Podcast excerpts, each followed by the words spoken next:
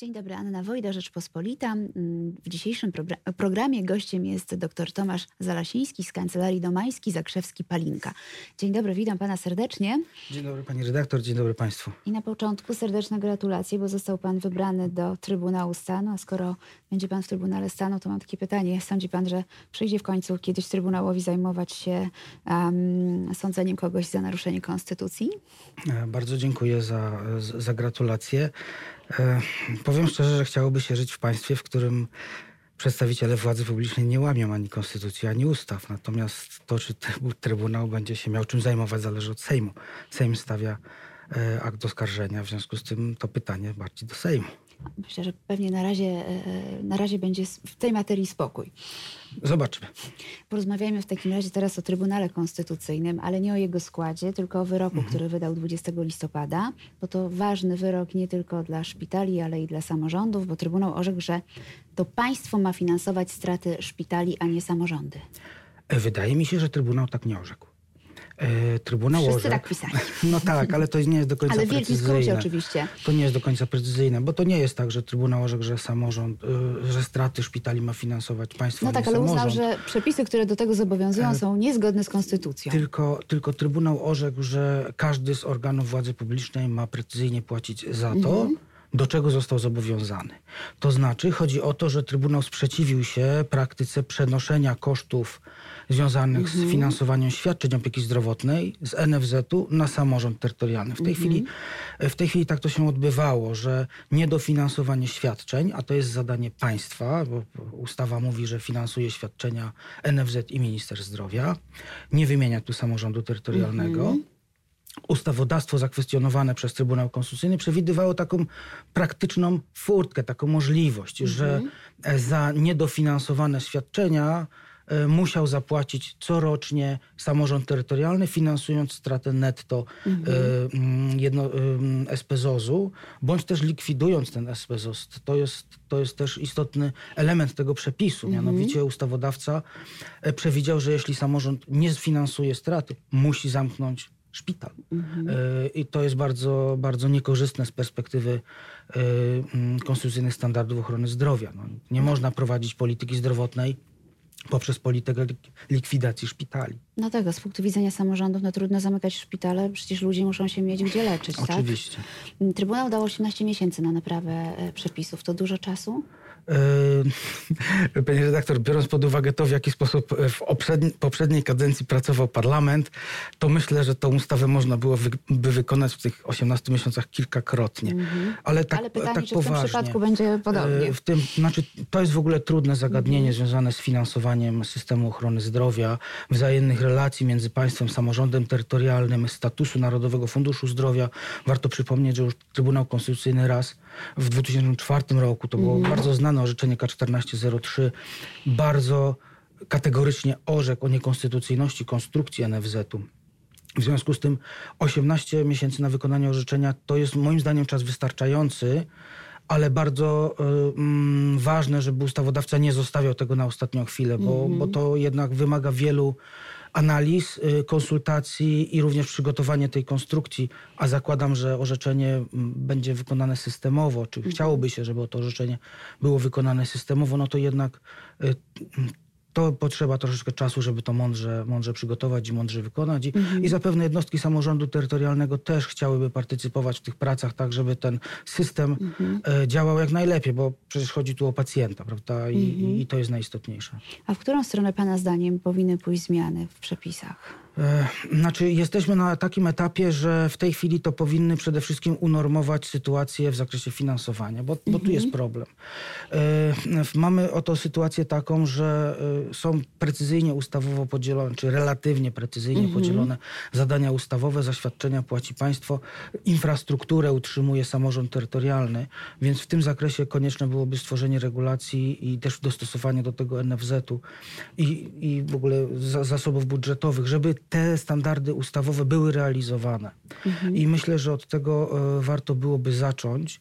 Natomiast później no, trzeba byłoby się przyjrzeć nieco szerzej w ogóle konstrukcji finansowania świadczeń. Od wielu lat dyskutujemy o tym, czy na przykład system e, ochrony zdrowia otworzyć na dodatkowe ubezpieczenia zdrowotne. Tak, były takie pomysły. Tak.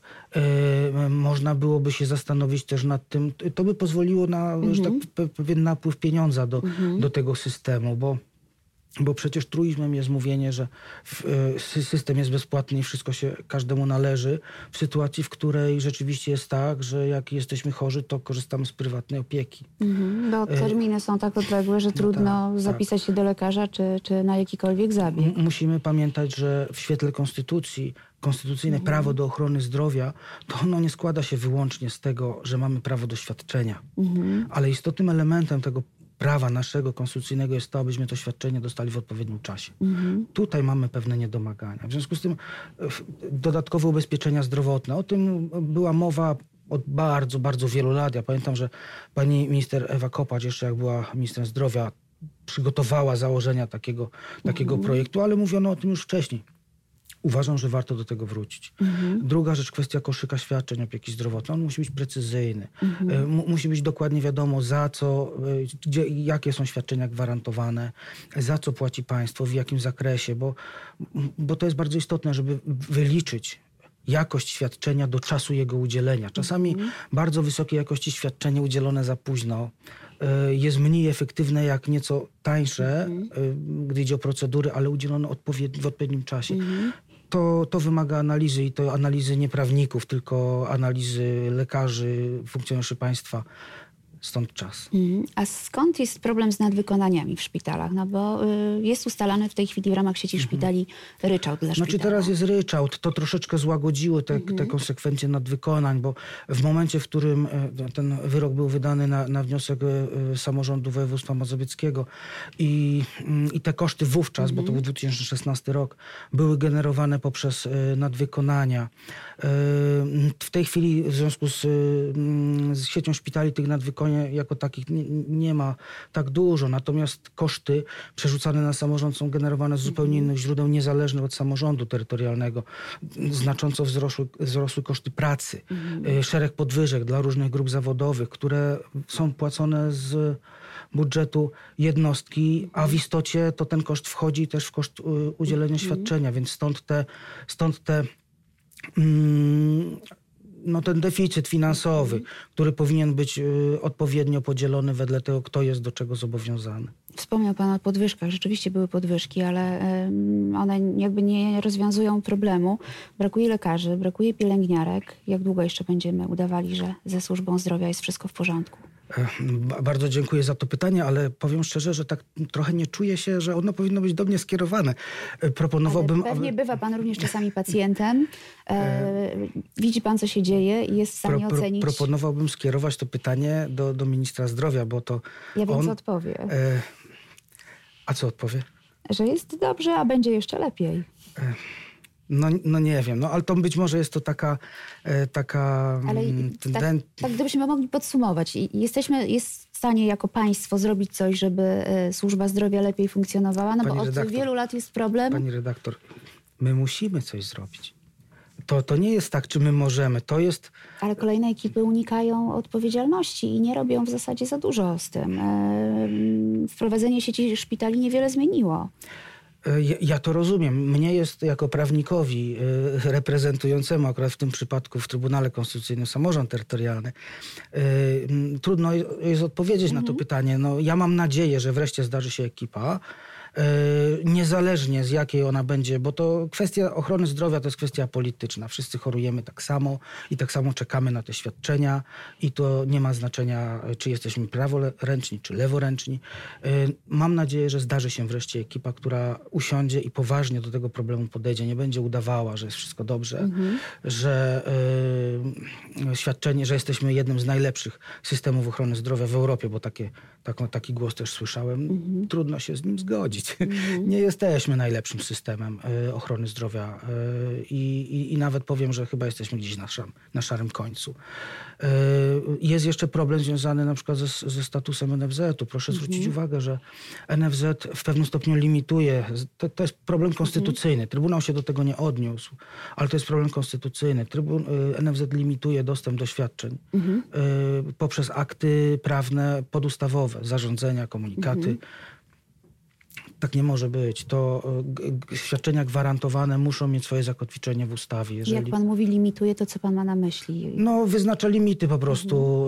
y, Czyli, że na przykład, nie wiem, e, tyle i tyle takich i takich zabiegów w ciągu roku Tak, albo w zakresie finansowania. Myśmy Mhm. przed Trybunałem Konstytucyjnym podnosili przy jeden przykład takiego zarządzenia NFZ-u, kiedy za te, właśnie w kontekście samorządu terytorialnego, kiedy za te same świadczenia jednostki, w których założycielem jest minister zdrowia, miały płacone po przeliczniku 1-2, Mhm. a za te same świadczenia, których y, mm, organem założycielskim jest jednostka samorządu terytorialnego, przelicznik był 1, czyli za to samo strona państwowa dostawała o 20% większe wynagrodzenie. To tak nie może być, że to jest uzależnione od NFZ-u. To, tu, muszę, tu, tu jest, to jest zasada wyłączności ustawowej w zakresie finansowania świadczeń. O tym mówi konstytucja. W związku z tym nad tym się też trzeba zastanowić, czy ta praktyka no, moim zdaniem wymaga zmiany.